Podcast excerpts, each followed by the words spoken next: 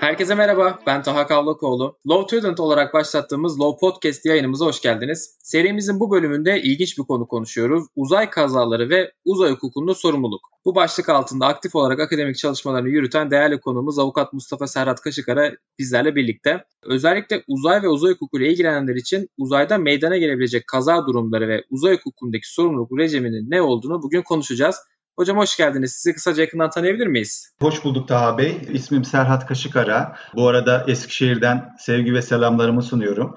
2009 yılında hukuk fakültesini bitirdikten sonra e, akabinde bir sene avukatlık stajından sonra akademiye adım attım ve yaklaşık 9-10 seneye bulan bir akademik hayattan sonra akademisyenlikte olan tecrübemi biraz da pratiğe aktarmak istedim. Çünkü biliyorsunuz bizim açımızdan özellikle hukukçular açısından pratiğin ve akademik bilginin doğrudan hayata yansıtılması çok önemli bir husus arz ediyor. E, ve bunu da ben böyle düşündüğüm için bir iki sene civarı yaklaşık avukatlığa başladım ve devam ediyorum. Bu bağlamda böyle bir giriş yapmış olalım.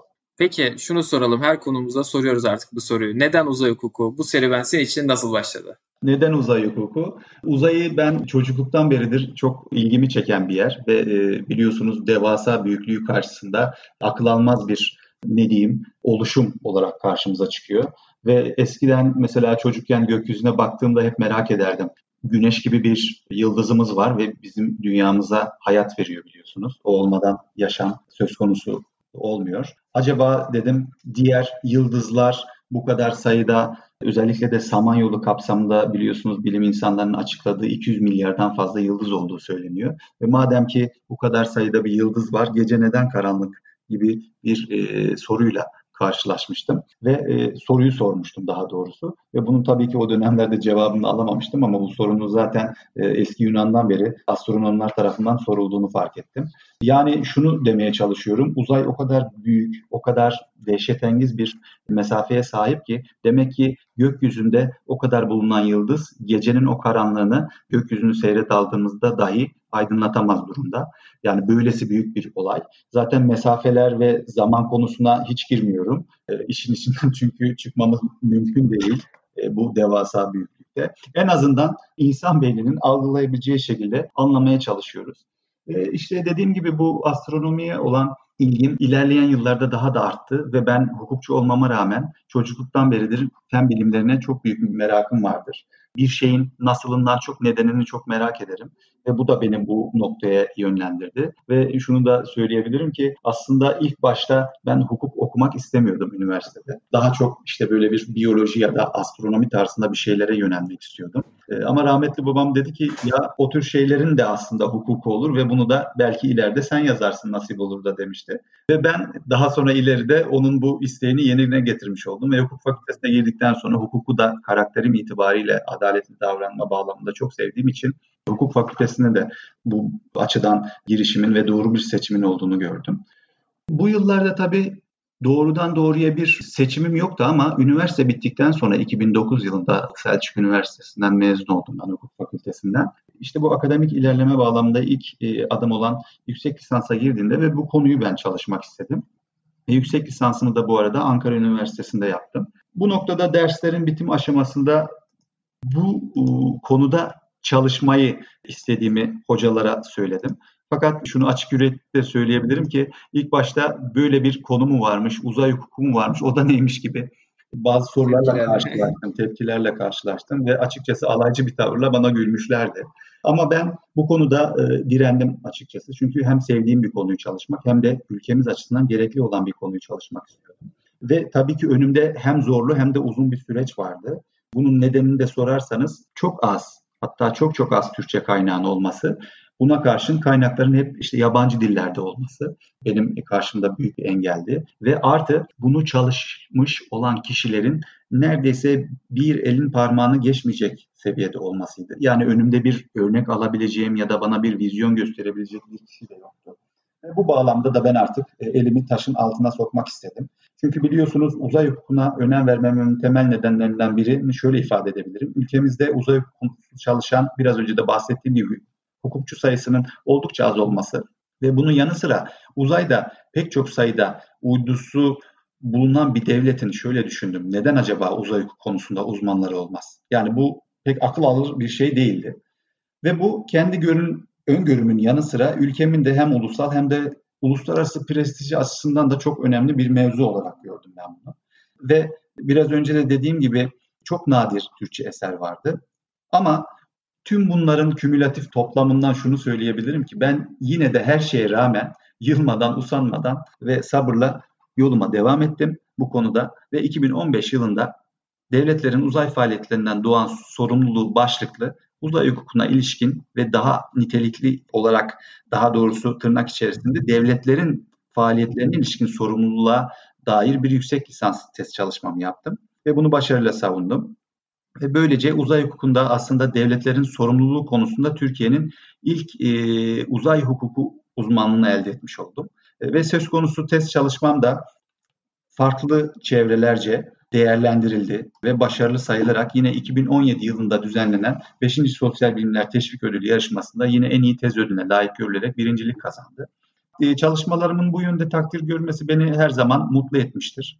Ve bu birincilik sonrasında da ben ülkemi temsilen bazı organizasyonlara da katıldım uzay hukuku kapsamında. Örneğin ülkemizin üye olduğu Asya Pasifik Uzay İşbirliği Örgütü, kısa ve İngilizce adıyla APSCO olarak bilinen örgüte biz üyeyiz e, ülkemiz olarak. Ve yine bu APSCO ile TÜBİTAK Uzay Teknolojileri Araştırma Enstitüsü'nün yani TÜBİTAK uzay olarak kısaltabileceğimiz enstitünün e, Çin hükümetiyle ortak organizasyon sonucunda yine Çin'de düzenlenen ve Çin'in ev sahipliği yaptığı bir e, organizasyona katıldım. Uzay ve Politikası Konferansı'na ve Türkiye Cumhuriyeti'ni temsilen resmi delege sıfatıyla katılmıştım. Yine akabinde TÜBİTAK Uzay ve e, biliyorsunuz 2019 yılında yeni açıldı. Çok da güzel işlere imza atacağını düşündüğüm Türkiye Uzay Ajansı ve yine biraz önce bahsettiğim APSCO'nun ortak organizasyonu ile bu sefer hem Türkiye'de ilk defa gerçekleştirilen hem de Birleşmiş Milletler'in de doğrudan dahil olarak yelpazenin ve katılımcı yelpazesinin daha fazla genişlediği ve yine Türkiye'nin bu sefer ev sahipliği yaptığı Eylül 2019 yılında İstanbul'da gerçekleşen Uzay Hukuku ve Politikası Konferansı'na da yine Türkiye Cumhuriyeti'ni temsilen Birleşmiş Milletler Türkiye resmi raportörü sıfatıyla bu toplantıya da katıldım. Tabii bunları dememin sebebi şu. Her iki organizasyon bağlamında da ülkemi başarıyla temsil etmek bir yana bu benim için hem de konum bağlamında hem büyük bir gurur hem de apayrı bir tecrübe oldu. Ve bunları gerek akademi camiasında gerek bazı sunumlar, paneller gibi e, eğitim faaliyetleri kapsamında burada edindiğim tecrübelerde e, olabildiğince aktarmaya çalıştığımı söyleyebilirim. Ben de bu arada şunu ekleyeyim. E, sizin tezinizi daha sonra kitap yaptığınız tezinizden de ben kendi tezimi yazarken işte uzay madenciliği ilişkin hukuki sorunları yazarken oldukça faydalandım. O yüzden ben de burada şahsen size bir teşekkür edeyim. Aa, çok teşekkür ederim. Bunu duymaktan da büyük bir mutluluk duydum. İşte dediğim gibi faydalı olabilmek ve böyle şeyleri işte sizler gibi faydalandık demek, teşekkür etmek e, çok büyük bir benim için e, ne diyeyim getiri. Ve ben e, açıkçası tüm çalışmalarımda zaten böylesi güzel amaçlar ve faydalı olmak adına ve ülkem adına daha sonra dünya insanlığı adına yapmaya çalışıyorum. Biraz zor oluyor ama bu tür çalışmalar ama e, bu manevi tatmin açısından çok önemli bir husus olduğunu belirtebilirim. Ki özellikle ilk yazılı kaynakları bırakan kişi olarak da Türkiye'de hani bence e, çok önemli bir yeriniz var. Çok çok teşekkür ederim bu güzel sözleriniz için. Tabii e, şunu da söyleyeyim. Ben biraz çok yönlü bir kişiyim. Yani sadece hukukun yanı sıra diğer başka faaliyetlerim de oluyor. Mesela bazı sosyal projelere de imza attık bu bağlamda.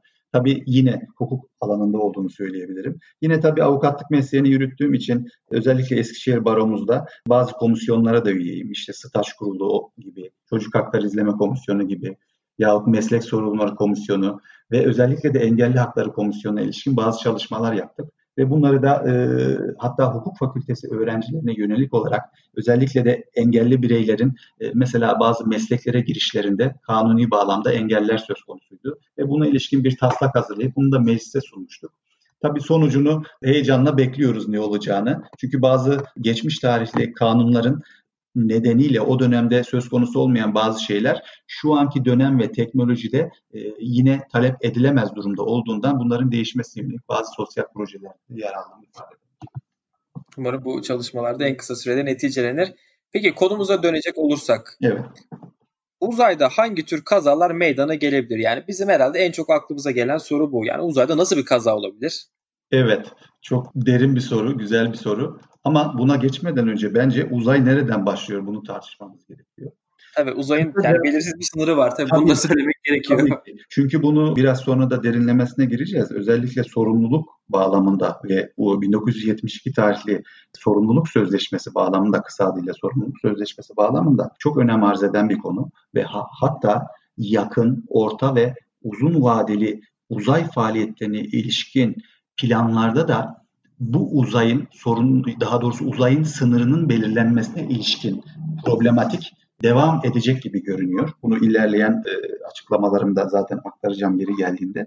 Dolayısıyla öncelikle uzay nereden başlıyor dediğimizde e, ta bu 1950'lere gittiğimizde yavaş yavaş bu başlayan uzay faaliyetleri e, ne değinmek gerekiyor. Bu noktada açıkçası halen bir uzlaşıya varılamadığını ifade etmem gerekiyor. Ve buna ilişkin herhangi bir Birleşmiş Milletler Anlaşması yahut ikili e, anlaşma, çok taraflı anlaşma ya da bir mutabakat tarzı örneğin bir siyasi belge dahi yok. Fakat Birleşmiş Milletler'in e, bu UNOSA yani Uzay İşleri Ofisi'nin dokümanlarına baktığımızda geçmişte bazı devletlerce buna ilişkin bazı görüşler yani devletlerin doktrinleri diyebiliriz buna ya da devletlerin pratikleri yani uygulamaya ilişkin biz böyle yapacağız diye bir deklare ettiği fikirlerinin olduğunu söylüyor. Bunlardan en genel itibariyle ve en bilinenlerden bir tanesi diyorlar ki mesela yeryüzünden 100 kilometre sonrasında uzay başlasın. Tabi burada şöyle de bir soru var. Kimisi 80 kilometre demiş, kimisi 60 kilometre demiş. Aynen, aynen Karman e, hattı. Buna ilişkin belli başlı spesifik problemler var. Bunun en büyük problemlerinden daha doğrusu böyle bir sınırın belirlenememesinin fiziksel olarak nedenlerinden bir tanesi atmosferin yapısı. Burada hemen atmosferin yapısına kısaca değinmek gerekirse tabii bunu bir mühendis değilim ama genel itibariyle belli noktalarda atmosferin neden böyle bir soruna yol açtığına ifade etmek gerekirse atmosferin kendi yapısı itibariyle her alanda farklılık arz edebiliyor. Mesela yani yoğunluk bağlamında diyorum. Dolayısıyla belli başlı ortaya atılan işte uzay şu noktadan başlasın dediğiniz noktalar mesela ekvatorda farklı bir nokta olabiliyor ekvatordan çok yukarı enlemlerde çok farklı yoğunluğa sahip oluyor atmosfer. Yani eğer siz fiziksel bağlamda bir belirleme yapacaksanız böyle bir oynaklık ve belirsizlik söz konusu. Atmosferin sahip olduğu iş dinamikler yüzünden böyle bir belirleme yapamıyorsunuz. Ama buna karşın mesela bölgesel ya da fonksiyonel bazı yaklaşımlar olmuş. İşte dediğim gibi 100 kilometre yukarısı olsun. Hatta çoğu devletin mesela Amerika Birleşik Devletleri başta olmak üzere o dönemde zaten iki kutuplu bir dünya olarak bir tarafta Sovyet Rusya, bir tarafta Amerika Birleşik Devletleri vardır biliyorsunuz. Bu noktada özellikle sessiz kaldıklarını görüyoruz. Mesela bir uzay sınırını belirlemeyelim diyorlar. Ama bu tür sessiz kalma pratik açıdan hem iyi olmakla beraber yani ne demek bu? Uzay faaliyetlerini hızlandırmakla beraber çünkü belli bir noktadan sonra eğer sınır koyarsanız belli başlı yükümlere, yükümlülüklere tabi olacağınız için belli noktalarda hak kaybına da yol açacağından bu tür bir belirlemenin şimdi ya da henüz yapılmaması isteniyor ve sessiz kalıldığını görüyoruz. Mesela örneğin Rusya ya da İtalya gibi bazı delegelerin öne sürdüğü işte bu 60 kilometre olsun, 80 kilometre olsun ya da 100 kilometre sonrası uzay gibi olsun uzay olarak biz belirleyelim demelerinin esas nedenlerinden biri de biliyorsunuz hava hukukuyla uzay hukukunun yani egemenlik alanlarının çok farklı hak, talep ve yükümlülüklere tabi olmasından meydana geliyor. Yani eğer siz bir uzay hukuku alanı ile yani uzay sahası diyelim hava sahasını ayrımını yapmazsanız sizin ne gibi hak ve yükümlülükleriniz olduğu ve bunun akabinde de bugünkü konuşmamızın ana konusu olan sorumluluğu kime bağlayacağız ya da daha Türkçesiyle kime atfedeceğimize ilişkin sorunlar ortaya çıkacağı için aslında sınır belirleme sorunu çok önemli bir mesele olarak karşımıza çıkıyor. Çünkü sizin de malumunuz ki hava hukuku ile uzay hukuku kuralları çok farklılıklar arz etmektedir. Ve zaten geçmişten e, geleceğe doğru günümüze geldiğimizde biliyorsunuz ki e, ilk başta kara, daha sonra deniz ve sonrasında da hava sahası olarak gelişen ve devletin egemenliğini ileri sürdüğü bu uluslararası sahaları özellikle 1950 ve 60'lı yıllardan sonra uzay sahası çıkmaya başladı. Ve buna hukukçular çözüm bulabilmek için genellikle işte bu açık denizlerdeki kuralları uygulamaya çalıştılar ama uzay öyle bir alan ki e, hem bakir bir alan hem de bu uzay sahası çok farklı dinamiklere yani sui generis yani kendine has özelliklere sahip olan bir alan olarak karşımıza çıkıyor. Ve bu noktada da hemen eklemek gerekirse uzayın belli başlı kullanma alanları da söz konusu ki yani böyle bir sınırın belirlenmemesi şu an itibariyle bu tür problemlerin çıkmasına neden oluyor. Genel itibariyle zaten uzayın bir barışçıl amaçlı kullanımı söz konusu bir de askeri amaçlı kullanım alanı söz konusu. Ama uzay faaliyetlerinin tarihine baktığımız zaman zaten uzaydaki bu tür faaliyetlerin ilk etapta askeri amaçlı olarak ortaya çıktığı öngörülüyor. Yani örneğin mesela bir şu an kullandığımız GPS sistemi, konum belirleme sistemi aslında bir askeri tabanlı sistemdir biliyorsunuz. Ki şu an günümüzde savaşlarda aktif olarak yahut harekatlarda aktif olarak kullanılan bir sistemdir. Yani uzayın pek çok farklı alanda eğitimden politikaya, güvenlik ve stratejiden çevresel, kültürel pek çok alana hatta meteoroloji, haberleşme, keşif, işte seyir, uzaktan algılama gibi pek çok alanı içerdiği için bu sınırın belirlenmesi kanaatimce çok büyük önem taşıyor. Peki sizce sınır ne olmalı? Sınır kanaatimce 100 kilometreden sonrasının yapılabileceği ya da bu ileride mesela 150 kilometre de olabilir. Bunu neden söylüyorum? Çünkü günümüz teknolojisinde bile bazı hava araçları ortaya çıktı ve bunlar hem uçak benzeri hem de uzay mekiği benzeri. Yani buna aerospace vehicles deniyor. Yani hava uzay araçları tarzında. Ve bu siz de yakın tarihte duymuşsunuzdur. Bazı şirketler var işte Virgin Galactic gibi uzay turizmine yol açabilecek şekilde hem çok yüksek irtifada uçabiliyor ama uzaya kadar gidemiyor. Dünya yörüngesine çıktıktan sonra yani dünya atmosferini terk ettikten sonra belli bir müddet burada seyrettikten sonra tekrar atmosfere girip dünya yörüngesine giriyor. Yani bu tür araçların gelişmesiyle beraber en azından bir 100 ya da 150 kilometrenin yukarısını uzay hukuku kurallarının uygulanacağı saha olarak belirlersek pratik açıdan bunun faydalı olacağını ben düşünüyorum. Çünkü biraz önce de bahsettiğim gibi şimdi ilerledikçe belli başlı noktalara ben değineceğim. Ne gibi sorunların çıkabileceğini orada zaten e, tartışmış olur. Peki o zaman ilk sorumuza geri dönelim. Uzayda hangi tür kazaları görebiliriz? Ha, evet, evet. Ona değinelim hemen. Ee, onu es geçmeyelim. Uzayda şimdiye kadar pek çok kaza e, söz konusu olmuş. Ama tabii e, bu kazaların sorumluluk, biraz sonra anlatacağımız sorumluluk sözleşmesi kapsamı bağlamında bazı sonuçların çıkıp çıkmadığı her kazada e, kendine göre değerlendirilebilir. Örneğin Soyuz 1 kazası olmuş. Bu e, o dönemde e, Sovyet Rusya'nın bir uzaya doğru gönderdiği ve tarihin ölümlü ilk uzay uçuşu olarak tarihe geçen bir kaza. Bu kazada içerisinde kozmonot Vladimir Komarov'un bulunduğu Soyuz 1 uzaydayken daha henüz uzaya çıkmışken yani güneş panelleri açılmıyor. Bir problemle karşılaşıyorlar.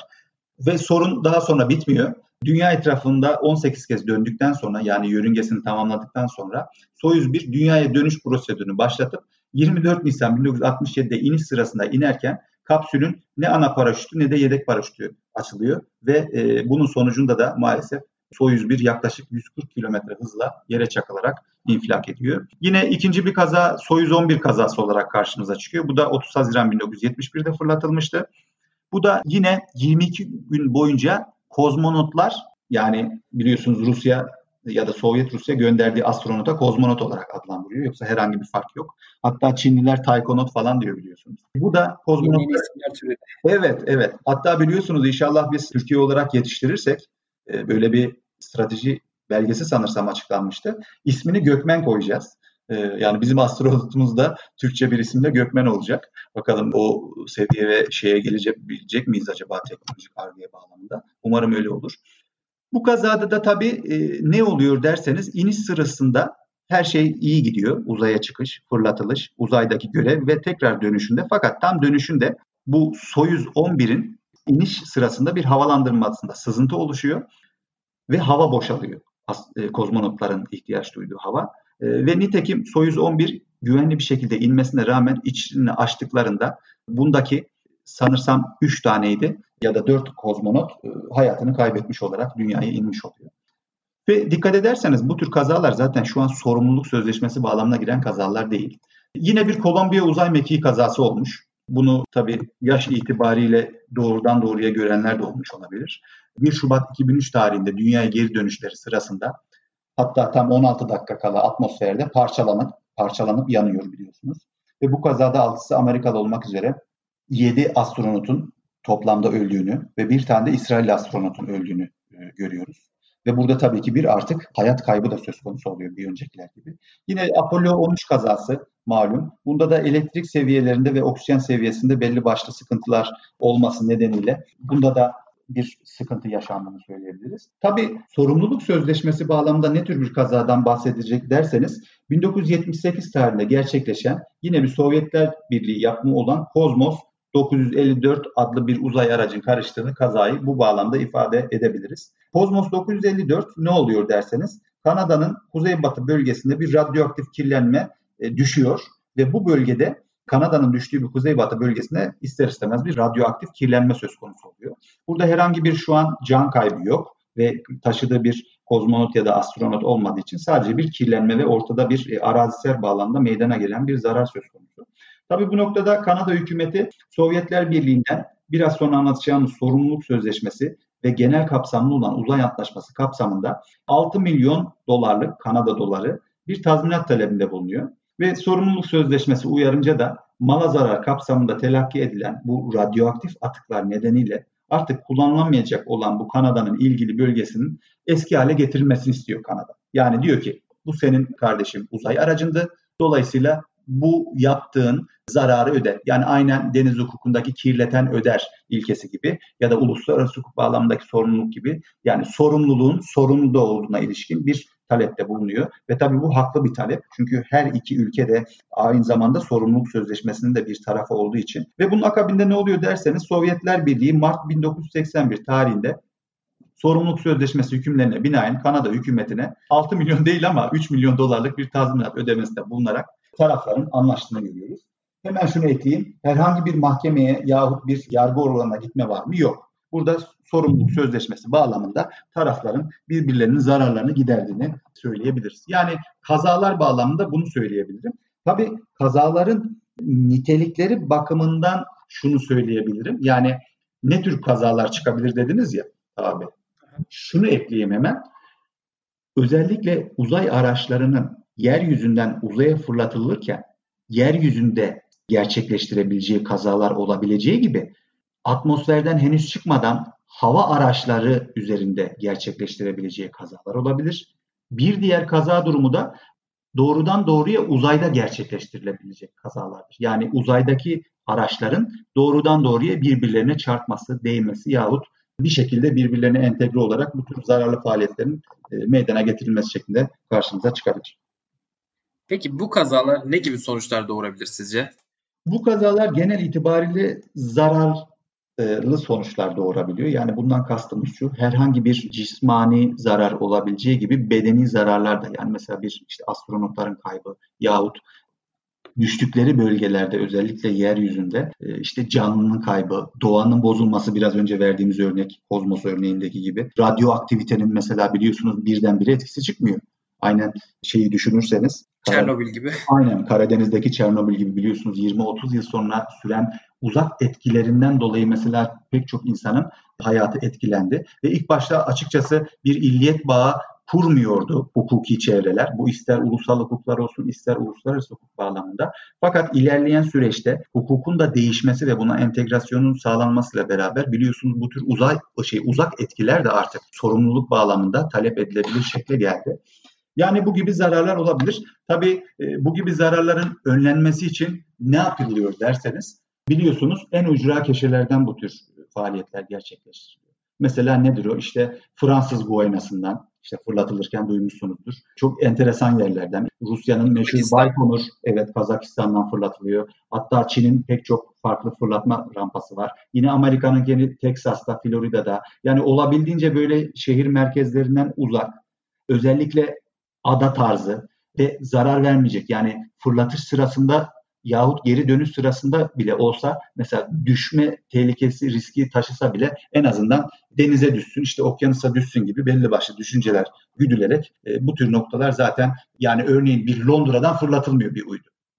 Aslında şunu da söylemek lazım. Bahsettiğiniz maddi zarar boyutu da hani milyarlarca dolara çıkabiliyor değil mi? Tabii ki. E, bu neden çıkıyor? Çünkü uzay faaliyetlerinin bizatihi kendisinin çok fazla e, maliyet içermesinden kaynaklanıyor. Yani bu hem fırlatış aşamasına gelene kadar arka plandaki bu ARGE e, araştırmalarının doğurduğu maliyet bir yana bir de fırlatış sırasında işte o roketlerin maliyeti, milyon dolarları bulan o fırlatma sıvı nitrojenlerin yahut roket yakıtlarının bulunması ve aynı zamanda fırlatma rampası olmayan ülkeler için ve fırlatma araçları. Bunlara harcanan meblaları da göz önünde bulundurursanız artı bir de astronotların yetiştirilmesine ilişkin maliyetler girdiği zaman işin içerisine çok büyük hatta pratikte bunları eskiden sigortalamaya bile kabiliyeti olmayan sigorta şirketleri söz konusu. Çünkü ortada çok fazla maliyet vardı. Buna ilişkin konsorsiyumlar artık devreye giriyor. Peki şuna değinmek istiyorum. Şimdi çok fazla 1972 tarihli sorumluluk sözleşmesinden bahsettiniz konuşmanızın içerisinde. Hı hı. Genel olarak uzay kaynakları nedir ve bu 1972 tarihli sorumluluk sözleşmesini biraz daha açabilir miyiz?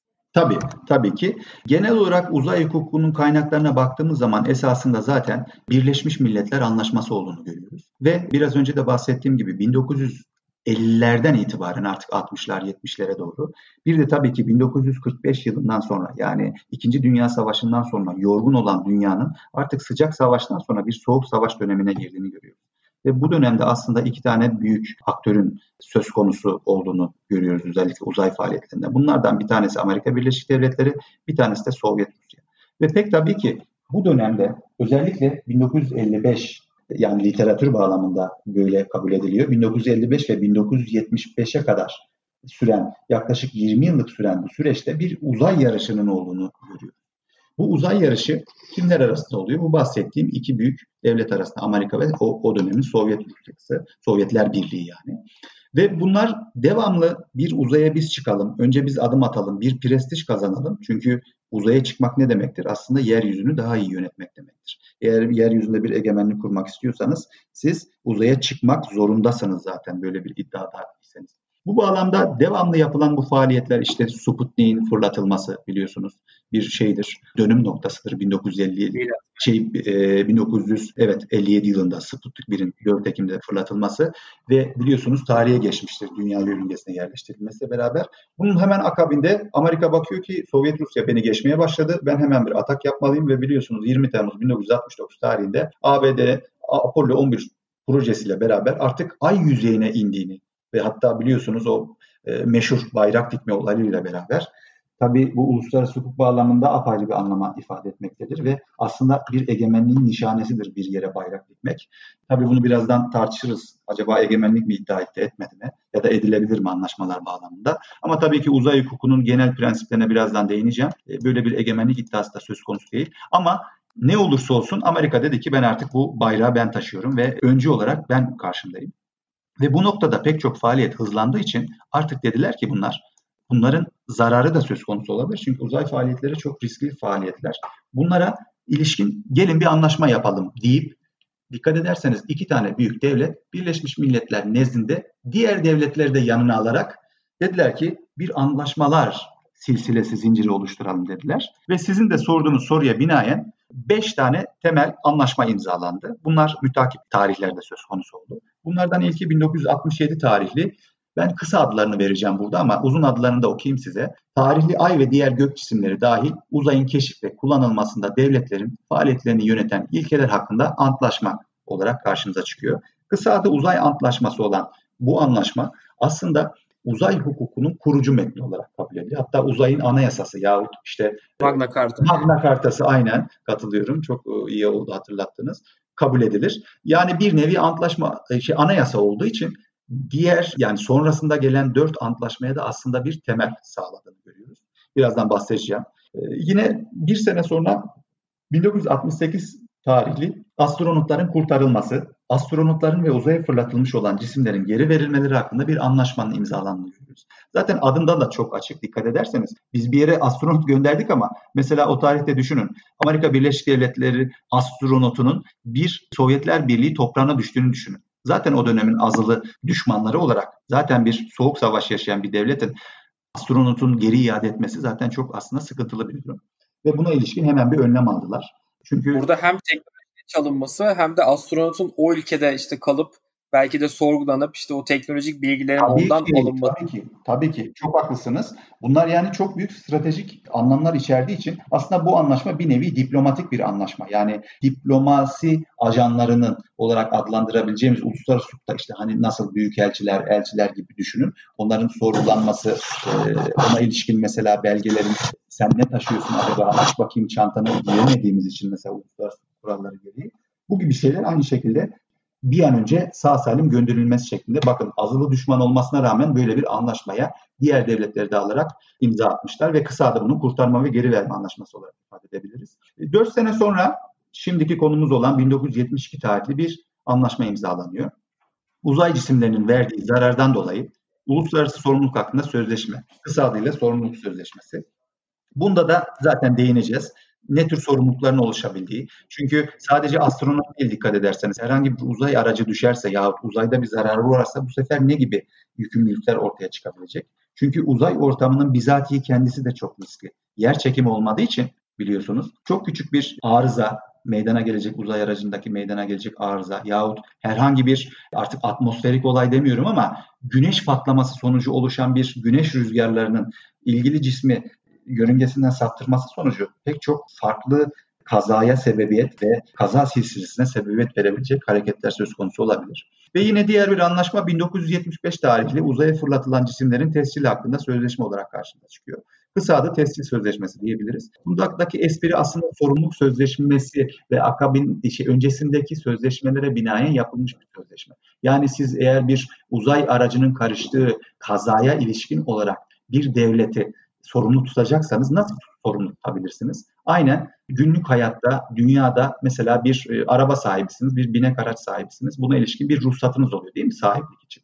Ve bu bir kazaya karıştığı zaman bunu gösteriyorsunuz. Ya işte arabanın sahibi bak sensin deyip böyle bir zararınızı tazmin etme yoluna gidiyorsunuz. Aynı şey uzaya fırlatılan cisimler yani genel itibariyle uzay araçları açısından da gerekli. Ve bu aynı zamanda neden gerekli derseniz Birleşmiş Milletler'e bir kayıt sistemini getirildiğini görüyorsunuz. Bu da ileride değineceğimiz bazı noktalarda özellikle günümüzde artık yavaş yavaş ortaya çıkmaya başlayan mesela bir uzay trafiği, mesela bir uzay çöpü gibi konularda artık önem arz eden hatta bazı maddelerin belki de ileride kanaatime göre yeniden düzenlenip yeni bir farklı bir uluslararası anlaşmaya söz konusu olabilecek nitelikte önemli bir anlaşma olduğunu ifade edebiliriz. Tabii burada hemen şunu da ekleyeyim. Mesela bir A devleti uzaya fırlattığı cisim hakkında işte ben şunu yapar, bunu yapar, şu özellikle bu özellikle diye asla bildirmiyor. Zaten bildirmez de. Yani devletler bağlamında bir saflık olur zaten. Sadece işte ben şu şu ölçülerde, bu bu ölçülerde bir uzay aracı, mesela bir uydu yolladım diyor. Ama şunu da tabii söylemek gerekirse her şeyin bir de e, madalyonun arka yüzü var, arka planı var ve uluslararası dinamiği var. Her gönderilen aslında uydu bir gözlem faaliyeti de içeriyor. Yani bir nevi askeri bağlamda bir gözetleme ya siz ona casusluk da diyebilirsiniz. Bu nevi şeyleri yaptığını yani açık açık anlatmıyor yani bu tescil hakkında bilgi verirken Birleşmiş Milletler'e. Böyle de bir enteresan yönlü e, aklıma geldi. Şunu sorabilirim aslında. E, bu tescil yükümlülüğüne aykırı davranmanın bir yaptırımı olmadığı da evet, e, tartışılıyor. Evet. Her, herhangi bir e, açıkçası sözleşme bağlamında da çok böyle sıkı sıkıya bir yaptırım söz konusu değil. Ama bir bilgilendirme yükümlülüğü getirmişler. Ama dediğim gibi devletler zaten bundan kaçınmıyorlar. Dolayısıyla herhangi bir sıkıntı çıkmıyor. Kaçındıkları nokta biraz önce bahsettiğim gibi sadece şey yani asıl niyetlerini doğrudan aktarmıyorlar mesela. Bir iletişim uydusu deyip geçiyor. Mesela ABC isimli bir iletişim uydusu diyor. Birleşik Krallık'tan şu tarihte fırlatacağız. Ey Birleşmiş Milletler haberin olsun tarzında bir bildirim.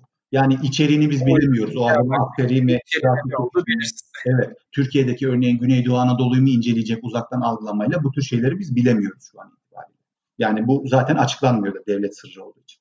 Ve son bir evet anlaşma onu da anla, e, atlamayalım. O da Ay anlaşması 1979 tarihli. Tam adıyla devletlerin ay ve diğer gök cisimlerindeki faaliyetlerini yöneten anlaşma. Bu anlaşma biraz tartışmalı. Her ne kadar Birleşmiş Milletler bağlamında akdedilse de büyük devletlerin özellikle mesela ABD, Fransa gibi buna imza koymadığını ve taraf olmadığını görüyoruz. Ve buna neden taraf olmadığını da soru gelirse ileride değinmek isterim. Ay Anlaşması'na da Türkiye'nin taraf olduğunu da belirtelim. Tabii tabii. Ha bu arada onu da tabii belirteceğim. Ee, ülkemiz bu anlaşmaların hepsine taraftır ve bunları e, kabul etmiştir. Hatta tam tarihlerini de vermek gerekirse uzay anlaşmasına 1968 yılında, Kurtarma ve Geri Verme Anlaşması'na 2006 yılında, Sorumluluk Sözleşmesi'ne 2004 yılında, Tescil Sözleşmesi'ne yine 2004 yılında ve Ay Anlaşması'na da 2011 yılında onaylayarak kabul etmiştir. Tabii şurada hemen bunu da ifade etmek gerekir ki Türkiye bu özellikle 1972 Sorumluluk Sözleşmesi'ni imzalamakla hali hazırda sahip olduğu biliyorsunuz hani TürkSat, Rasat, İmece gibi ve ileride sahip olacağı uzay araçları açısından yani burada uzay araçları geniş bir kavram. Uydu olabilir bu, daha başka şeyler olabilir. Mesela teleskop dahi bir uzay aracı kabul edilir. Başka bir devletin gerçek veya tüzel kişilerinin uzay araçlarından kaynaklanabilecek herhangi bir kaza veya bir durum sonucu herhangi bir zarar meydana gelmesi halinde bizim ülkemiz ne yaptı artık? Bakın ben sözleşmeye tarafım. Dolayısıyla herhangi bir zarar verirseniz bunu usulüyle e, uluslararası anlaşmalar noktasında sizden tazmin edebilirim diye aslında bir deklarasyon yapmıştır ve bu ne demektir esasında uluslararası anlamda etkin bir hukuki koruma sağladığını ifade edebiliriz. Aslında şunu da sormak gerekiyor. Şimdi Türkiye tüm anlaşmalara taraf Hı hı. Ama diğer taraf ülkelere de baktığımız zaman e, ülkelerin tamamının kendi bir ulusal mevzuatı olduğunu görüyoruz. Türkiye'de böyle bir ulusal mevzuat henüz yok. Siz bu evet. konuda ne düşünüyorsunuz? Evet, henüz yok ülkemizin. Kanaatimce olmalı. Her ne kadar diğer gelişmiş ülkeler gibi mesela bir ABD, bir yine Rusya ve hatta günümüzde biliyorsunuz uzay faaliyetleri bağlamında Çin ve Hindistan'ın çok fazla ilerlediğini, çok fazla yol kat ettiğini görüyoruz. Bunlar kadar olmasa bile biz uzay faaliyetlerini yürütüyoruz. En azından bunlara ilişkin olarak e, doğrudan doğruya yapılamasa bile bir desteğin sunulacağı. Mesela örneği Lüksemburg biliyorsunuz asteroid madenciliğine ilişkin gelin yapın ben size ruhsat vereyim tarzında bir uzay madenciliği yasası çıkardı Lüksemburg. Aynı şekilde biliyorsunuz Amerika Birleşik Devletleri. Amerika Birleşik Devletleri'nde var evet. Hatta son dönem biliyorsunuz e, Artemis Accord olarak geçen Türkçe'ye e, Artemis mutabakatı olarak çevirebileceğimiz bir siyasi belge niteliğinde yani soft law olarak, yumuşak hukuk olarak yani ne demektir bu?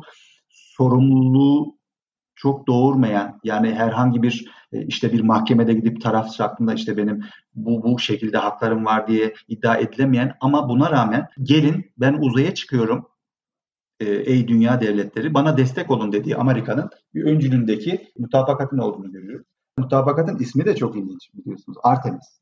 Artemis biliyorsunuz ay tanrıçası eski Yunan mitolojisinde. Yani burada Amerika şunu söylüyor açıkçası. Gelin devletler diyor bana destek olun. Hatta e, bu destek sadece siyasi açıdan olmasın, mali açıdan da olsun. Katkıda bulunun ve beraber uzay madenciliğini başlatalım diyor. Ama tabii burada şu soru aklınıza gelebilir. Biliyorsunuz bir şeyin ruhsatının verilebilmesi aslında oranın sahipliğini öncüller. Yani burada şunu kastediyorum. Mesela siz gidip e, Ankara Belediyesi olarak gidip Londra Belediyesi'ndeki bir toprağa ruhsat verebilir misiniz? Veremezsiniz. Yani sizin bir yeriniz olması lazım ki bunu kullanıma açmanız lazım. Gerçi Amerika bu iddiayı özellikle diplomasi alanında kabul etmiyor biliyorsunuz. Çünkü bunun sonucu artık uzayı ben sahipleniyorum anlamına gelecektir. Çünkü bir nevi egemenlik iddiası da ortaya çıkacağı için Amerika bunu reddetmekle beraber şöyle bir tezi var Amerika'nın. Hayır diyor ben sadece keşfedilmesi bağlamında ve bunun e, ileride bilimsel açıdan tüm dünya devletlerine yayılması açısından böyle bir destekte bulunuyorum ve bu benim egemenlik yahut bir hükümranlık iddia ettiğim anlamına gelmez diyor. Zaten böyle bir şeyi uluslararası anlaşmalar uzay hukuku bağlamında zaten yapamaz. Ama böyle bir ilginç iddiası var. Ben asteroidi sahiplenmiyorum diyor ama ondan elde ettiğimi de alırım ama diyor. Böyle bir enteresan girişimleri söz konusu oldu. Tabii burada karşı çıkan kesiminde savunduğu şey şu. Bir aslında tapu siciline benzer bir sicil de olması gerekiyor. Yani biz bir ev satın aldığımızda bunu gidip işte tapu kütüğüne bildiriyoruz. Orada işlemler yapıyoruz. Tabii hani ki, resmi bir şekilde yani, bu eve sahip olduğumuzu bildiriyoruz. Yani bu mutabakatın işte bazı doğurduğu ciddi sorunlar var. Zaten pek çok bildiğimiz uzayla uğraşan devlet buna e, imzacı oldu, taraf oldu ama e, biliyorsunuz bunun geçerliliğini kazanabilmesi için pek çok devlet tarafından e, da kabul edilmesi gerekir. Zaten adı da akort olarak yani bir mutabakat olarak geçtiği için bu biraz önce bahsettiğim Birleşmiş Milletler nezdinde akdedilen 5 uluslararası antlaşma gibi bir kabiliyete de sahip değil. Yani şu an itibariyle bir nasıl diyeyim bir niyet mektubu gibi kabul edilebilir. Ama bunun pek çok taraftarının yavaş yavaş toplandığını Amerika nezdinde ve masaya oturulduğunu ve siz de yakın tarihte görüyorsunuz. Sanırsam en son İtalya imza koydu. Aynen öyle.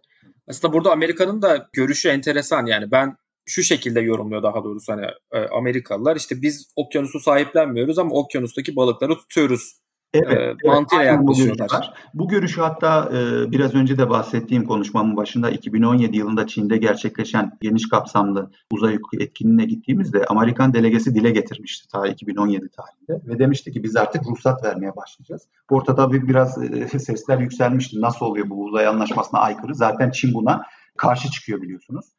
Yine uzay faaliyetleri bağlamında eskisi gibi bir iki kutupluluk söz konusu. Mesela Amerika'ya karşı çıkanlar, Amerika'yı savunanlar gibi bir grup var. Mesela Çin'de Rusya gibi buna karşı çıkıyor. Hayır diyor. Bu uzayın diyor bir sahiplenmesi egemenlik iddiası ortaya çıkaracağını sonucunu doğuracağı için buna mesela karşı çıkmışlardı orada. Dediğim gibi Amerika'nın iddiası tabii ki e, biraz enteresan. Yani ben sahiplenmiyorum ama oraya gittiğim, harcadığım, argeye yaptım ve maliyet cebimden harcadığım parayı tabii ki orada elde ettiğim madenler bağlamında benim olacaktır diye bir görüşü var. Bu halen tartışmalı. Ama bana sorarsanız kanaatimce özellikle de uzay madenciliğine ilişkin konuların ileride çok büyük problematik yani problem çıkarabileceği daha şimdiden öngörüldüğünden buna ilişkin bir devletlerin Birleşmiş Milletler nezdinde bir masaya oturup en azından bir uluslararası antlaşmaya imza koymaları şimdiden büyük önem taşıyor aslında Amerika Birleşik Devletleri biraz da Birleşmiş Milletler'in rolünü üstlenmeye çalışıyor da diyebiliriz. Tabii ki yönlendiriyor. Bir de biliyorsunuz uluslararası hukuk bu tür büyük güçlerin mesela bir şey ortaya atmasıyla ilerlemiştir. Geçmişteki işte bu Körfez savaşlarını ele alırsak özellikle Baba Bush ve daha sonrasında oğul Bush döneminde biliyorsunuz belli başlı noktalarda Amerikan devlet doktrini açısından bu kuvvet kullanmayı genişlettiğini işte önleyici, ön alıcı, meşru müdafaa gibi bazı şeyleri uluslararası hukuka soktuğunu görüyoruz. İşte mesela örneğin Truman döneminde bu kıta sahanlığı, münhasır ekonomik bölge gibi bazı kavramlarında yine bu tür girişimler sonucu bir uluslararası hukuk kuralı olduğunu yahut teamülü haline geldiğini ifade edebiliriz. Yani dolayısıyla eğer bu tür anlaşmalar çok fazla taraftar kaplarsa bu artık bir uluslararası teamül haline bile gelebilir. Yapıla gele, yapıla e, geliş kuralı olarak karşımıza çıkabilir. Yani. Peki o zaman bu noktada şunu sorayım. Uzay hukukuna ilişkin kuralların niteliği ve uygulama kabiliyeti veya da sırası nedir sizce? Evet, bu da bu da çok güzel bir soru. Açıkçası uzay hukukunun genel prensiplerine burada değinmek gerekirse daha sonra da niteliği bağlamında ne tür bir öncelik sonralık olacağını değinmek daha faydalı olacaktır. Genel esaslarına baktığımızda bu biraz önce de bahsettiğim Birleşmiş Milletler nezdinde akdedilen 5 uluslararası antlaşmada genel itibariyle diyorlar ki gök cisimleri de dahil olmak üzere uzayın tamamı bir insanlığın ortak mirası olarak kabul edilmeli ve dolayısıyla da üzerinde herhangi bir egemenlik iddiasında bulunamayacağını e, öngörülüyor. Bu her anlaşmanın da genel bir ne diyeyim bizim dibacesi ya da girişinde bulunan aynen bizim anayasamızın başlangıç hükümleri gibi başlangıç hükümlerinde yer alan hükümlerden bir tanesi. Bir diğeri de yine keşif ve kullanımda uluslararası bir işbirliğinin esas olmayacağı söyleniyor. Ve yine uluslararası hukukun temel prensiplerine göre uzayın keşfi ve kullanımının gerçekleşeceği söyleniyor. Ve üzerinde vurgu yapılan çok önemli bir unsur var ya da husus var. Bunlardan bir tanesi de uzayın barışçıl kullanımı. Tabii bu barışçıl kullanımdan ta o dönemde Amerika ve Sovyetler Birliği çok farklı şeyler anlıyordu.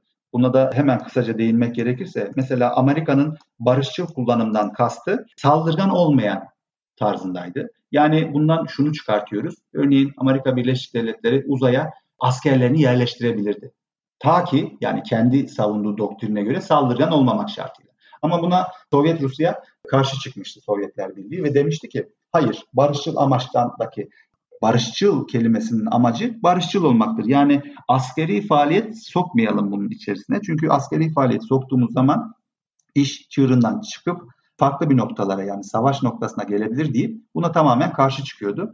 Burada da bir paradigma kırılmasını görüyoruz. Yani askeri faaliyeti barışçıl olmayan bir faaliyet olarak kabul ediyordu. Ve bu hala günümüzde de geçerli. Ve uzayın barışçıl kullanımının doğurduğu sonuçlardan bir tanesi de uzayda askeri tatbikat ve silah denemelerinin yapılmasının yasaklanmış olması. Yine bir diğer genel prensip bilimsel çalışma serbestisinin olması ve yine çalışmaların işte insanlık namına yapılması ve yine anlaşmalar bağlamında bu dile getirilen uzay araçlarının, gönderilen uzay araçlarının ilgili gönderen devletin mülkiyetinde bulunması ve bunlara ilişkin egemenlik haklarının olması ve yine uzay faaliyetlerine ilişkin yürütülen tüm faaliyetlerde uluslararası hukuk bağlamında bu faaliyeti yönetilenlerin sorumluluğunun olması gibi belli başlı genel prensiplerin olduğunu ifade edebiliriz. Ve tabii bu noktada Şöyle de bir soru aklımıza gelebilir. Mesela bir uluslararası hukuk var, bir de uzay hukuku var. Hatta uluslararası uzay hukuku var. Bunlar e, sizin sorduğunuz soruya binaen nasıl uygulanacak? Yani bu uzay hukukuna ilişkin kuralların niteliği uluslararası hukukun genel kuralları bağlamında nasıl ele alınabilir? Bunu da tabii hukukun genel ilkeler arasında yer alan ve esasında da temelini Roma hukukundan alan bir Latince ifadesiyle lex specialis derogat legi generali denen bir kuraldan e, yahut bir prensipten geldiğini görüyoruz. Buna göre eğer bir konu hakkında özel düzenlenmiş olan bir kural varsa genel kurallardan farklı düzenlemelere sahip olsalar bile artık bu lex specialis yani özel kanun ya da kural gereği genel kurala tercih edilirler. Yani bundan anladığımız şu. Mesela uluslararası hukukta da bir sorumluluk rejimi var. Uzay hukukunda da bir sorumluluk rejimi var.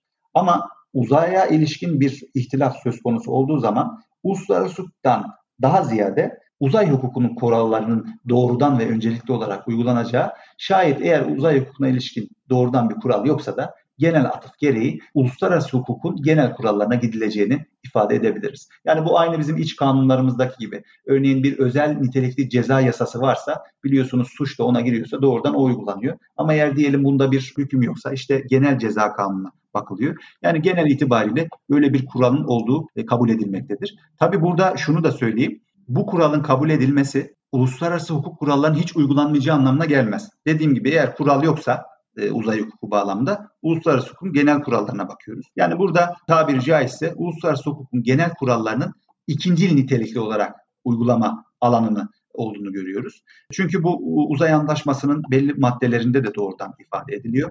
Ve tabii yine uzay anlaşmasının mesela 3. maddesinde diyor ki Birleşmiş Milletler Anlaşması da dahil olmak üzere uluslararası hukuka uygun bir şekilde yürütülmelidir dediği için burada zaten hem Birleşmiş Milletler Anlaşması'na atıf hem de uluslararası genel kurallarına atıf olduğu için bunların da uygulama kabiliyetinin olduğunu ifade edebiliriz. Ve tabii biraz sonra ileride de değineceğiz. Burada sadece uluslararası hukuk değil, eğer hani bana sordunuz ya biraz önce Türkiye'nin uzay hukukuna ilişkin yerel hukuku var mı? Eğer öyle yerel hukuklar da varsa ve ilgili devlette zarar, ziyan meydana gelmişse iç hukuk kuralları da uygulama alanı bulacaktır.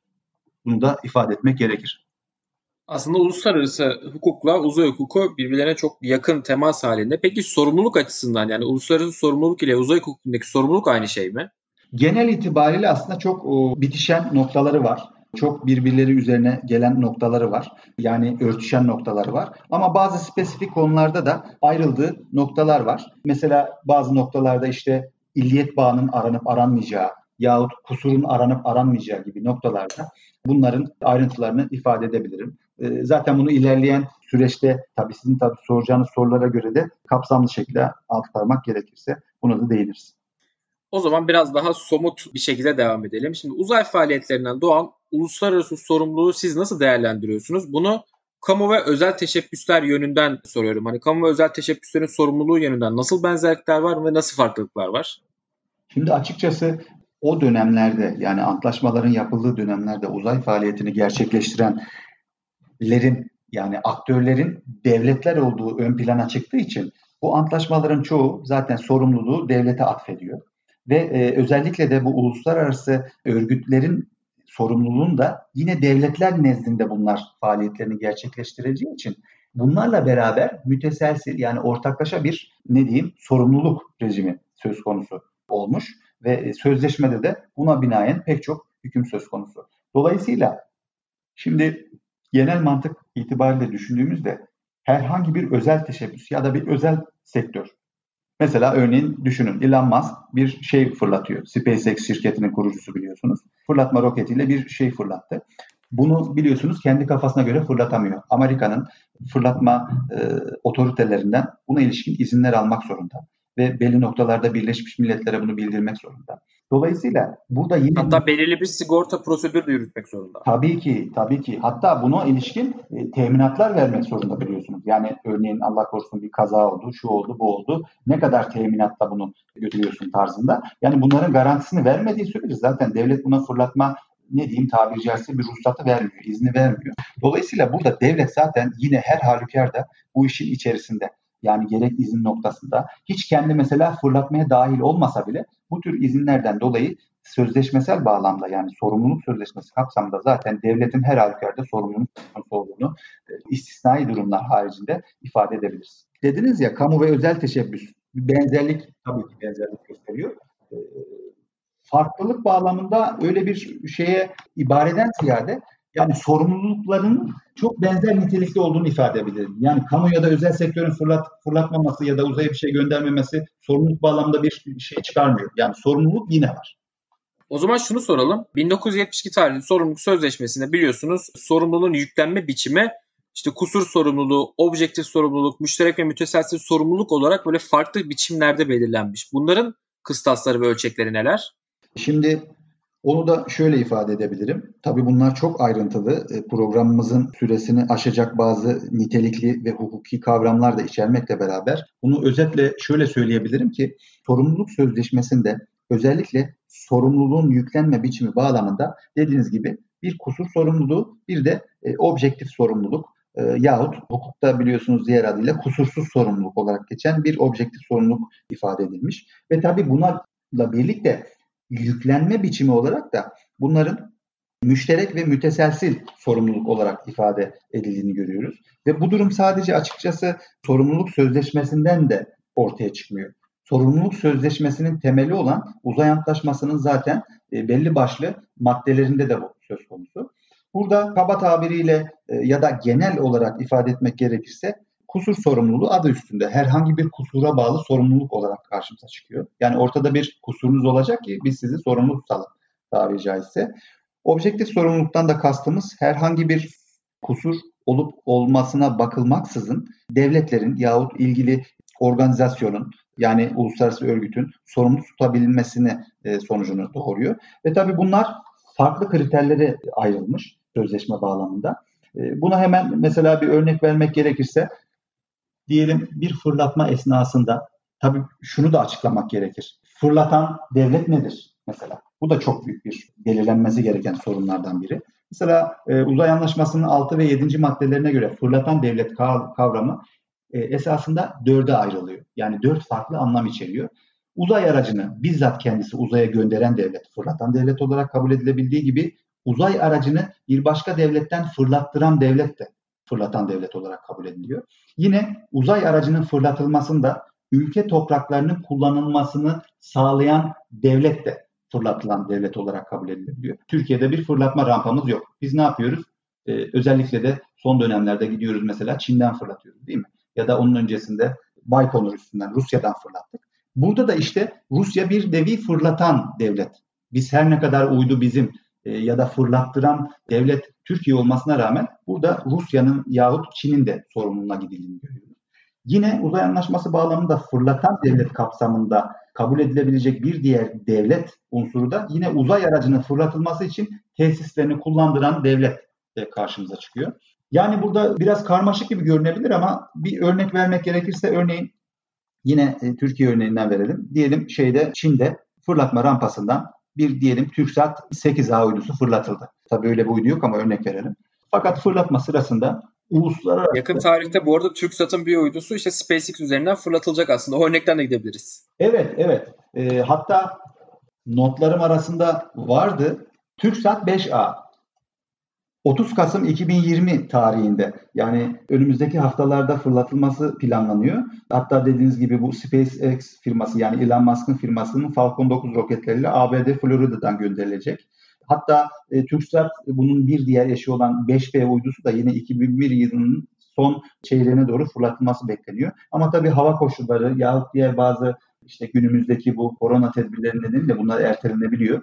Umarım sağ salim ulaşır. Mesela bu noktada TürkSat'ın Amerika'dan fırlatılması noktasında tam yeryüzünden ayrılırken bir uluslararası uçuş yapan örneğin İtalyan hava yollarındaki uçağa çarpıp da bunu düşürmesi işte tamamen karmaşık bir sorumluluk rejiminin ortaya çıkmasını ve Türkiye ve mesela bir aracı kurum varsa diyelim biz Fransız örneğin bir firmasıyla fırlattıysak Fransa'nın da devreye girmesiyle ve Amerikan topraklarından e, Florida'dan fırlatıldığı için fırlatan devlet kapsamına girdiği için uzay anlaşması bağlamında dikkat ederseniz 3 devleti müteselsilen sorumlu tuttuğunu ifade edebilirim.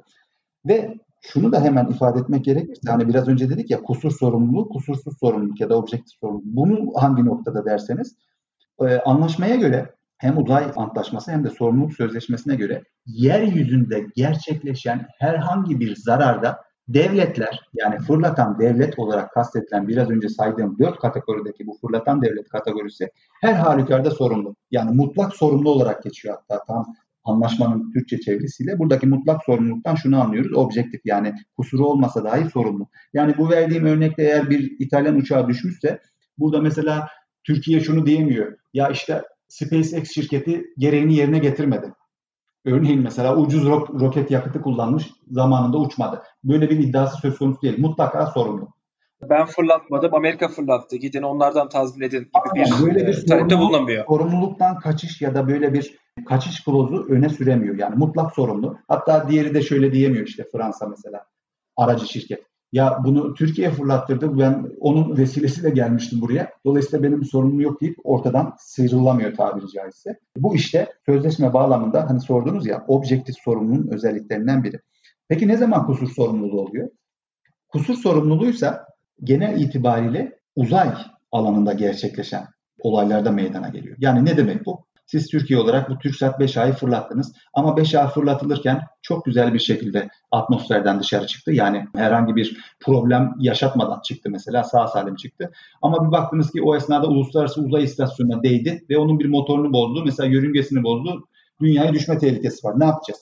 İşte burada eğer fırlatan devletin kusurundan kaynaklanıyorsa ki burada somut olayımızda örnek verdiğim bu olayda Türkiye sorumlu olduğu için yani tam onun yörüngesini hesaplamadı. Uluslararası Uzay İstasyonu'nun o anda oradan geçişini neden hesaplamadı? Çünkü bunlar önceden hesaplanabiliyor biliyorsunuz fiziksel ve matematiksel denklemler sonucunda. Neden hesaplamadı gibi bir kusuruna gidilerek burada da sorumlu tutuluyor. Ama şayet siz e, bir ülke olarak her türlü şeyi elinizden gelen tüm hesaplamaları yaptıktan sonra bu yine de atmosferden çıktıktan sonra bir kazaya sebep oluyorsa işte burada sizin artık bir kusurunuz yani devlete atfedilebilirlik söz konusu değilse burada sorumluluk sözleşmesi bağlamında sizin zaten kusurunuza gidilemiyor.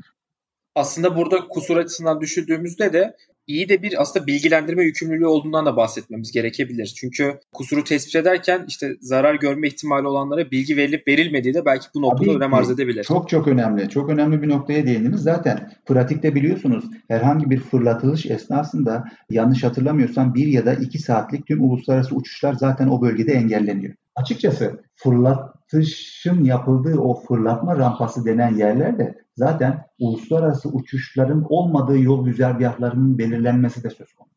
Mesela bugün SpaceX firması neden gidip bir Amerika'nın işte en ucra adasında fırlatıyor bunu?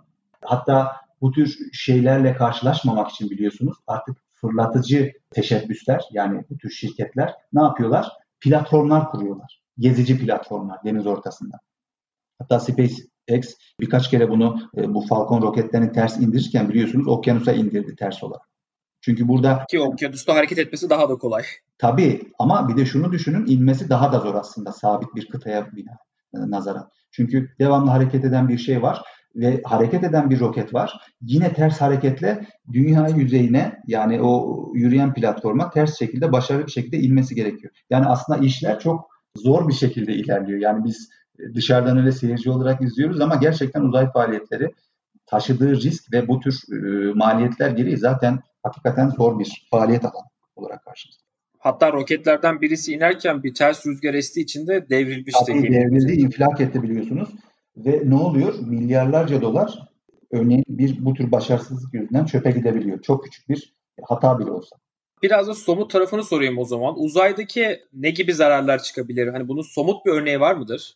Aslında en somut örneği biraz önce bahsettiğim o Kozmos olayı vardı ya biliyorsunuz. Kanada'ya düşen Rus kapsülü, uzay aracı diyelim.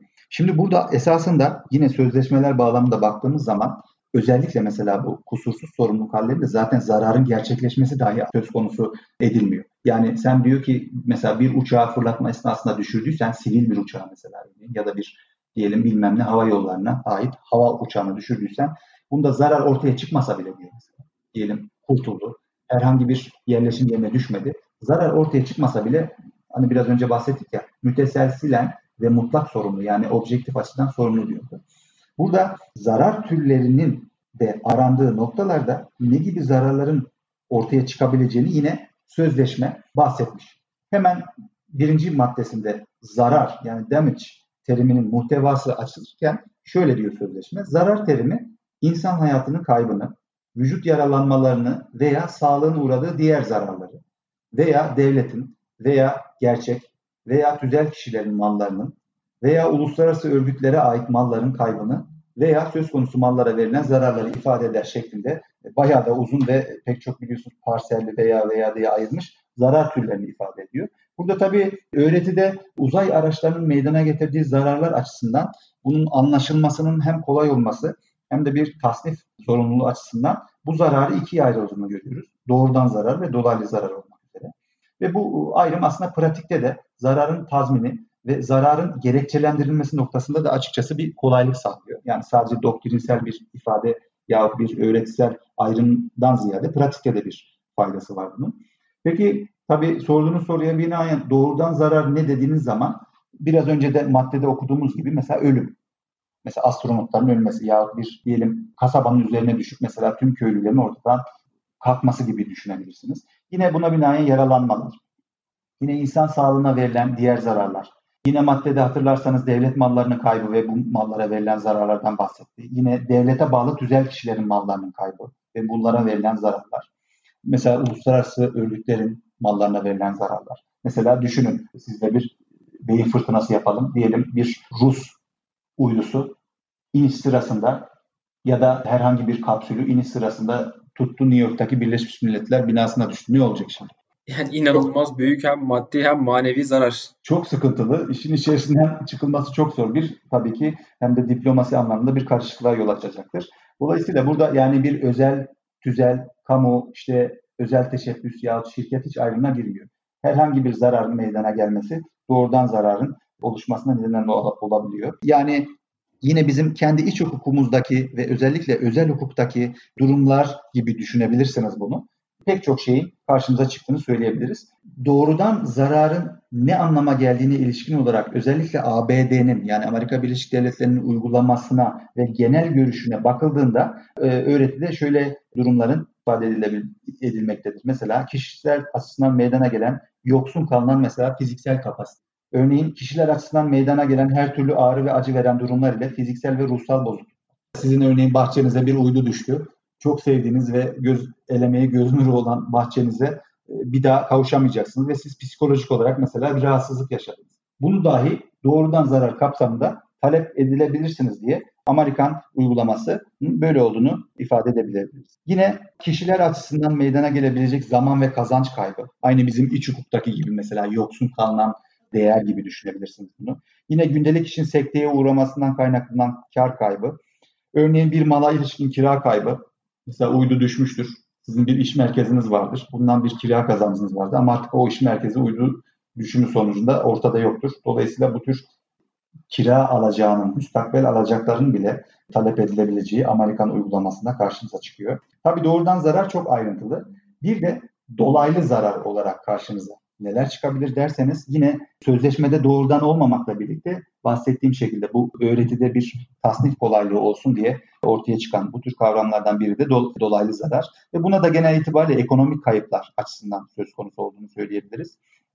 Hatta bunu yine geçmişte yaşanan bu Kozmos kazasına örnek vermek gerekirse o dönemlerde zaten uluslararası hukuk bağlamında bu radyoaktifin doğurduğu uzak etkiler bir zarar olarak kabul edilmiyordu. Dolayısıyla da zarar olarak kabul edilmediği için buna neden olan kişi ya da kişiler ya devletler sorumlu tutulamıyordu biliyorsunuz.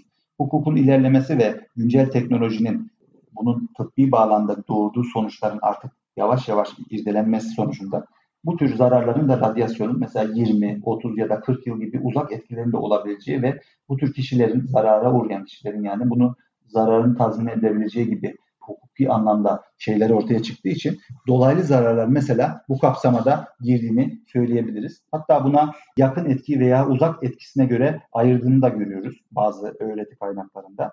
Yani burada eğer sözleşme dahilinde ele alınabilecek bir zarar varsa ve bu e, neden sonuç ilişkisi bakımından ve hakkaniyet açısından bir yerindelik sağlayarak sorumluya atfedilebilecekse burada her türlü zararın karşı taraftan tazmin edilebileceğini yani burada tek tek saymaya da zaten çok fazla mahal olmadığı için mesela her türlü zararın burada dile getirilebileceğini ifade edebilirim genel itibariyle. Çok güzel örneklerden bahsettiniz az önce. İşte üzerimize uydu düşebilir, bahçemize düşebilir, işte Hı-hı. aracımızın üzerine düşebilir. Tabii. Peki bu durumda evet. ne yapmamız gerekiyor? Yani biz bu zararı nasıl gidereceğiz? Kimden nasıl talep edeceğiz? Şimdi buna ilişkin olarak tazminat talebinde bulunma yetkisine sahip olan zaten zarara yani zarar görmüş e, olan olarak karşımıza çıkıyor. Bu ister sivil bir kişi olsun, ister bir devlet kurumu olsun, isterse herhangi bir devlet olsun doğrudan. Buna ilişkin zaten sözleşmenin 8. maddesi var. Hatta burada aynen aktarayım size maddesini. Diyor ki 8. maddeye göre zarar uğrayan gerçek veya tüzel kişileri zarar gören bir devlet bu zarardan dolayı fırlatan devlete tazminat talebinde bulunabilir diyor. Bakın dikkat edin. Herhangi bir gerçek kişi görse bile devlet doğrudan diğer devlete bir sorumluluk yani bunun tazmin ettiği bir başvuruda bulunabilir diyor. Yine eğer uyrukluğunda bulundukları devlet tazminat talebinde bulunmazsa başka bir devlet topraklarında bulunan gerçek ve tüzel kişilerin gördükleri zarar nedeniyle fırlatan devletten tazminat talebinde bulunabilir. Bakın bu da çok enteresan bir husus. Yani A devletinde bir B devleti vatandaşı bulunuyorsa A devleti bu B devleti vatandaşının uğradığı zarardan dolayı zarar veren örneğin C devletine zararı karşıla diye bir başvuruda bulunabiliyor. Yine bir diğer husus eğer ne uyrukluğunda bulundukları devlet ne de toprakları üzerinde zarar meydana gelen devlet tazminat talebinde bulunmaz veya bu yöndeki talebini belirten bir bildirim de bulunmazsa başka bir devlet de toprakları üzerinde devamlı oturan kişilerin uğradıkları zarar nedeniyle ilgili fırlatan devlete tazminat talebinde bulunabilir diyor. Dikkat ederseniz burada talep yetkisine sahip olunanların bu yetkisini oldukça geniş tutmuş sözleşmesel bağlamda. Çünkü ortada eğer bir zarar varsa bunu biz birine bağlayıp bunu tazmin etmemiz gerektiği düşüncesi olduğundan çok geniş nitelikli bir takip etme usulü. Yani uluslararası bir usul hukuku kuralı öngörülmüş sorumluluk sözleşmesinde ve bu da dediğim gibi amaç ne? Meydana gelen zararın kimden talep edilebilecekse çok geniş bir yelpazede talep edilebilmesi kabiliyetini ortaya çıkartıyor. Aslında uzay faaliyetleri genel olarak düşündüğümüz zaman işte objektif sorumluluk, müşterek ve müteselsilen sorumluluk hükümleri, işte zararın giderilmesi yöntemlerine başvuru araçlarının çok geniş olması Tabii. aslında bu son derece tehlikeli olan uzay faaliyetlerindeki o sorumluluk rejiminin aslında ne kadar da e, sıkı bir şekilde düzenlendiğini de gösteriyor bize. Tabii ki. Yani burada benim verdiğim örneklerde zararın çok küçük olduğunu düşünmeyin. Yani orada mesela bir uydu düştüğünde bir yerleşim yerine burada bir kişi ölmeyecektir. Oranın yangın sonucunda işte florası değişecektir. İşte hayvanların yaşam alanı değişecektir. insanlar ölecektir. Zarar yani bu çok kompleks bir şey. Ben onu basitleştirmek için çok küçük zararların ortaya çıkabileceğini ifade edebiliyorum. Ve tabii ki ölümler gerçekleşecektir. Yani bu biraz çapraşık ve karmaşık bir husus. Bunun bu şekilde değerlendirilmesi, konunun anlaşılması bağlamında daha iyi olacağını kanaatindeyim. Peki şunu soralım son olarak size. Sorumluluk konusunda biliyorsunuz hani anlaşmalar eski tarihli. İşte bazı devletlerin ulusal mevzuatları var ama yetersiz. Bu sorumluluk meselesiyle alakalı güncel tartışmalar ve sorumluluk konusunda çözüm bekleyen sorunlar nelerdir? Bu da bu da çok güzel bir soru oldu. Fakat bu biraz hem gelecek açısından hem de günümüz açısından geniş yelpaze içeren bir soru olarak karşımıza çıkıyor. Buna e, hemen şöyle bir örnek verebilirim. Biliyorsunuz günümüzde artık gittikçe artan sayıda uzay varlıkları söz konusu. Yani space assets olarak geçen, yani uzay varlıklarından kastım uydu olsun, uzay aracı olsun, teleskop olsun ya da her nevi işte mesela bir meteoroloji uydusu olsun, bir haberleşme, bir askeri faaliyet içeren gözlem uydusu olsun. Pek çok şey artık giderek ve ülkemizin de biliyorsunuz pek çok uydusu var. Giderek sayıda artan bir varlık haline geldi. Peki ne oldu? Böylece uzay dolmaya başladı biliyorsunuz ve günümüzde halen tartışma konusu olan bir uzay trafiği söz konusu. Burada artık örneğin bir trafik kurallarının aynen yeryüzündeki trafik kuralları gibi uzayda da artık bir trafik kurallarının belirlenmesi çok elzem hale geldi. Ve buna ilişkin bazı otoriteler e, oturup masanın başına belli başlı antlaşma seviyesine gelmese bile bunlar yoğun tartışılacak şekilde ortaya atılıyor. Örneğin mesela Avrupa Birliği bağlamında işte bu ESA Avrupa Uzay Ajansı bağlamında bazı girişimler oluyor. İşte biz gittikçe uzaya fırlatıyoruz. Peki bunu nasıl dengede tutacağız? Çünkü biliyorsunuz yakın tarihte bu yine Elon Musk'ın bir projesi olarak Starlink projesi bağlamında pek çok uydu. Hatta bir batında biliyorsunuz 60-100 uydu gönderiliyor bir fırlatışta yani. Ve bunların büyük problematik doğurduğu zaten pratikte de yaşandı. Biliyorsunuz uluslararası uzay istasyonu birkaç kez bu nedenle yörüngesini değiştirmek zorunda kaldı. Herhangi bir olası kazayı önleyebilmek adına. Bu gibi durumlar tabii ki çok tehlikeli. Çünkü yörüngenin değişmesi ilgili uzay aracına pek çok külfetler de yüklüyor. Tabii Allah korusun düşmesi sonucunda da doğurabilir ya da tamamen yörüngeden çıkıp kontrol kaybına da e, neden olabilir. Yani etkileri böyle bir nevi katmerli şekilde artabilir bu tür olayların. Ve tabii uzay varlıklarının artması ne oldu? Her uzay varlığı sonsuza dek kullanılabiliyor mu derseniz biliyorsunuz her şeyin bir ömrü var. Canlı olsun, cansız olsun. Dolayısıyla fırlatılan bazı uzay araçları belli bir zaman sonra ya kontrolünün kaybedilmesiyle artık kontrol sağlanamadığı için kayıp hale geliyor. Yahut da artık ömrünü tamamlamasıyla beraber kullanılmaz hale geliyor. Yani bu ta, teknik tabirle bir hurda ya da bir tam uzay hukuku literatürüyle de uzay çöpü haline geliyor. Ve ne oluyor uzay çöpü haline geldiği zaman? Uzayı biz doldurmaya başlıyoruz. Hatta benim esas korkumdan biri şu, dünyayı kirlettik sıra uzayda mı? Bunu yavaş yavaş artık devletler tartışmaya başladı biliyorsunuz. Ve bu şu noktada çok önemli. Eğer bir uzay çöpünün temizlenme olgusu söz konusu olmazsa ne olur sizce? Çarpışmalar doğal olarak meydana gelir zaten. Kessler sendromu da burada çok önemli bir konu. Aynen öyle. Aynen öyle. Biliyorsunuz o da sanırsam NASA'da çalışıyordu. Çok dediğiniz gibi önemli bir tez ortaya atıyor Kessler ve bu nedenle de artık bunun bir kaçınılmaz evet Donald Kessler NASA'da çalışan bir bilim insanı ve buna göre diyor ki uzay çöplerinin yoğunluğu bir gün kritik bir noktaya ulaşacağını ifade ediyor biliyorsunuz Kessler sendromda. Artı diyor ki ulaşan bu kritik noktadan sonra meydana gelecek her çarpışma aynen zincirleme çekirdek tepkimelerinde olduğu gibi yeni çarpışmaları tetikleyecektir. Bu tabii ki kaçınılmaz bir sonuç. Ve en sonunda da diyor oluşan bu durum nesiller boyunca uzay araştırma yapılmasına büyük engel teşkil edecektir. Dikkat ederseniz yakın tarihte mesela önceki aylarda bu Elon Musk'ın Starlink projesi pek çok bilim adamı tarafından eleştiriye neden oldu. Yani bu kadar uyduyu gönderiyorsun. Bunların zarar ziyan doğurması bir yana uzay çöpünü oluşturması, kazaya sebep olması artı bizim astronomik bağlamda gökyüzünü inceleme kabiliyetimizi de ortadan kaldırıyorsun diyorlar. Yani biz acaba yıldız mı değil miydi asıl astronomi gözlemlerini yapabilmek için bunu artık yapamaz hale gelme durumuna geleceğiz diye belli başlı şeylerden deklarasyonlar yayınlandı biliyorsunuz. Ve bu nevi Kessler sendromu benzeri şeylerin de e, artık ifade edilmesiyle birlikte uzay çöplerinin zaten hem şimdi hem de yakın ve orta vadeli süreçte karşımıza çıkan çok büyük bir sorun olarak görüyorum ben. Ve bu mevzu da zaten devletler bence yakın tarihte bir masaya oturmak zorunda kalacaklar ve Birleşmiş Milletler nezdinde hem uzay trafiğine ilişkin hem de uzay çöplerine ilişkin bir hem düzenleme regülasyon hem de bir sorumluluk rejiminin ve sorumluluk sözleşmesinin de bu tabii ki ne yapacak? Güncellenmesine neden olacak karşımıza çıkacak. Çünkü bu durum aslında tüm devletlerin tüm uzay faaliyetlerine işte derinden etkileyebilecek bir soruna neden olabilir. Aynen öyle. Bunu tabii biraz aç, açmak gerekirse açmak isterim. Ne demek tüm uzay faaliyetleri? Mesela biliyorsunuz yakın süreçte bir uzay turizmi gerçekleştirmesi planlanıyor. Hatta bunun bir adım ötesi biliyorsunuz uzayda kolonleşme. Ayda başlayıp daha sonra işte Mars'a doğru gitme gibi bazı projeler var. Hatta bunların yanı sıra bir de asteroid madenciliği denen ya da uzay madenciliği olarak literatüre geçen bir konu var. Eğer siz uzayı çok kirletip de tam böyle atmosferden çıkarken artık çıkamaz halde bir kirlilik içerisinde bulursanız kendinizi bu tür önemli faaliyetleri nasıl gerçekleştireceksiniz mesela?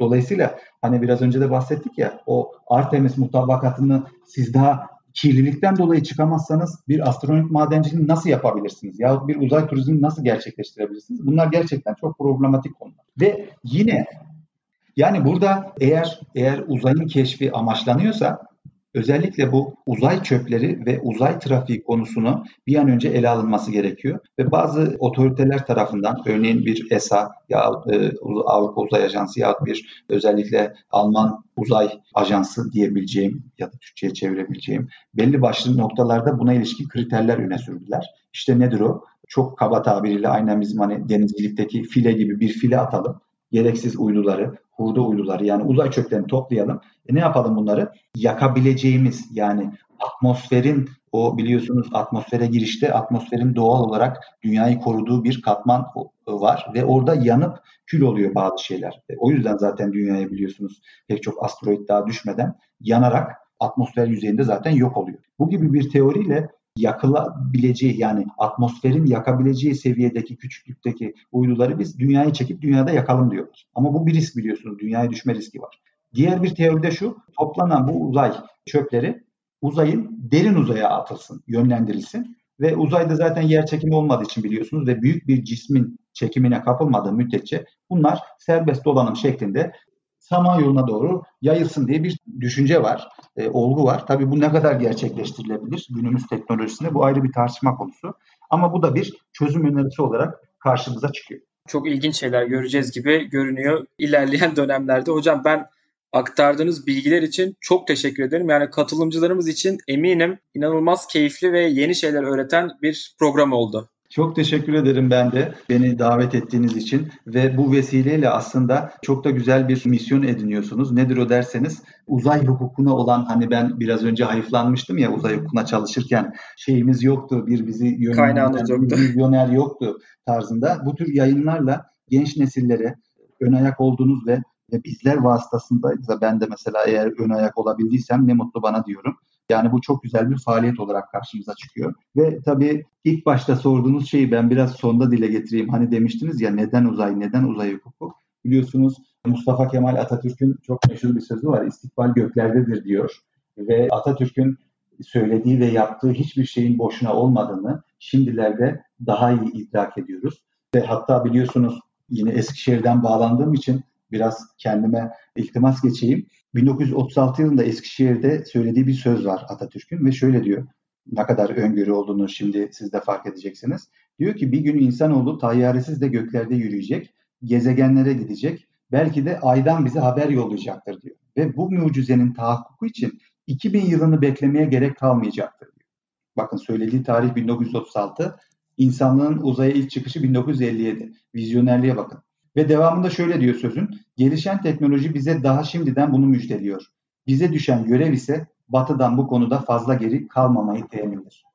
İşte benim de bu noktada elimin taşın altına koyup bu çalışmayı yapmamın ve her şeye rağmen bu çalışmayı yapmamın nedenlerinden biri de buydu. Çünkü bayrağında ay ve yıldız olan bir devletin uzaya ilgisiz kalması düşünülemez. Düşünülemez. Diyorum. Ve bunun da işte siz de çalışmışsınız, tebrik ediyorum. Nice çalışmaların yapılmasını ve gerçekten akademide çok nadir olsa bile uluslararası standartlarda çalışmalar gerçekleşiyor. Ve bunların devam etmesi bence çok önemli. Ve yine burada Atatürk'e son bir atıf yaparak bazen hani böyle çekiniyoruz ya ya acaba biz yapabilir miyiz? Elinoğlu yapmış gibi hayıflanıyoruz. Aslında ne diyor gençliği hitabesinde? Muhtaç olduğunuz kudret damarlarımızdaki asil kanda mevcut. Yani biz kendimize güvenip bu yolda adım attığımız sürece bunların ilerleyeceğini e, ve bu tür çalışmaların hatta dünyaya yön verecek tür çalışmaların gerek Türkiye gerekse dünya bağlamında ve dünya klasmanında karşılaşacağımıza ben her zaman inanıyorum ve umudum da bu yönde. Özellikle hocam bu son söyledikleriniz bizim için hakikaten oldukça motive edici. Umarım bu çalışmalar artar. Ben de buradan uzay hukukuyla ilgilenen katılımcılarımıza şunu söyleyeyim. Kesinlikle sizi takip etsinler. Hani hala güncel olarak bol bol yazıyorsunuz ve bilgilendirici şeyler paylaşıyorsunuz. Tekrar çok teşekkür ediyorum katılımınız için. Ben de çok teşekkür ediyorum. Yine Eskişehir'den saygı ve selamlarımı sunuyorum. Dinleyicilere de umarım faydalı olmuştur bu oturumumuz, bu konuşmamız. Tekrar teşekkürlerimi sunuyorum size. Görüşmek üzere. İyi günler.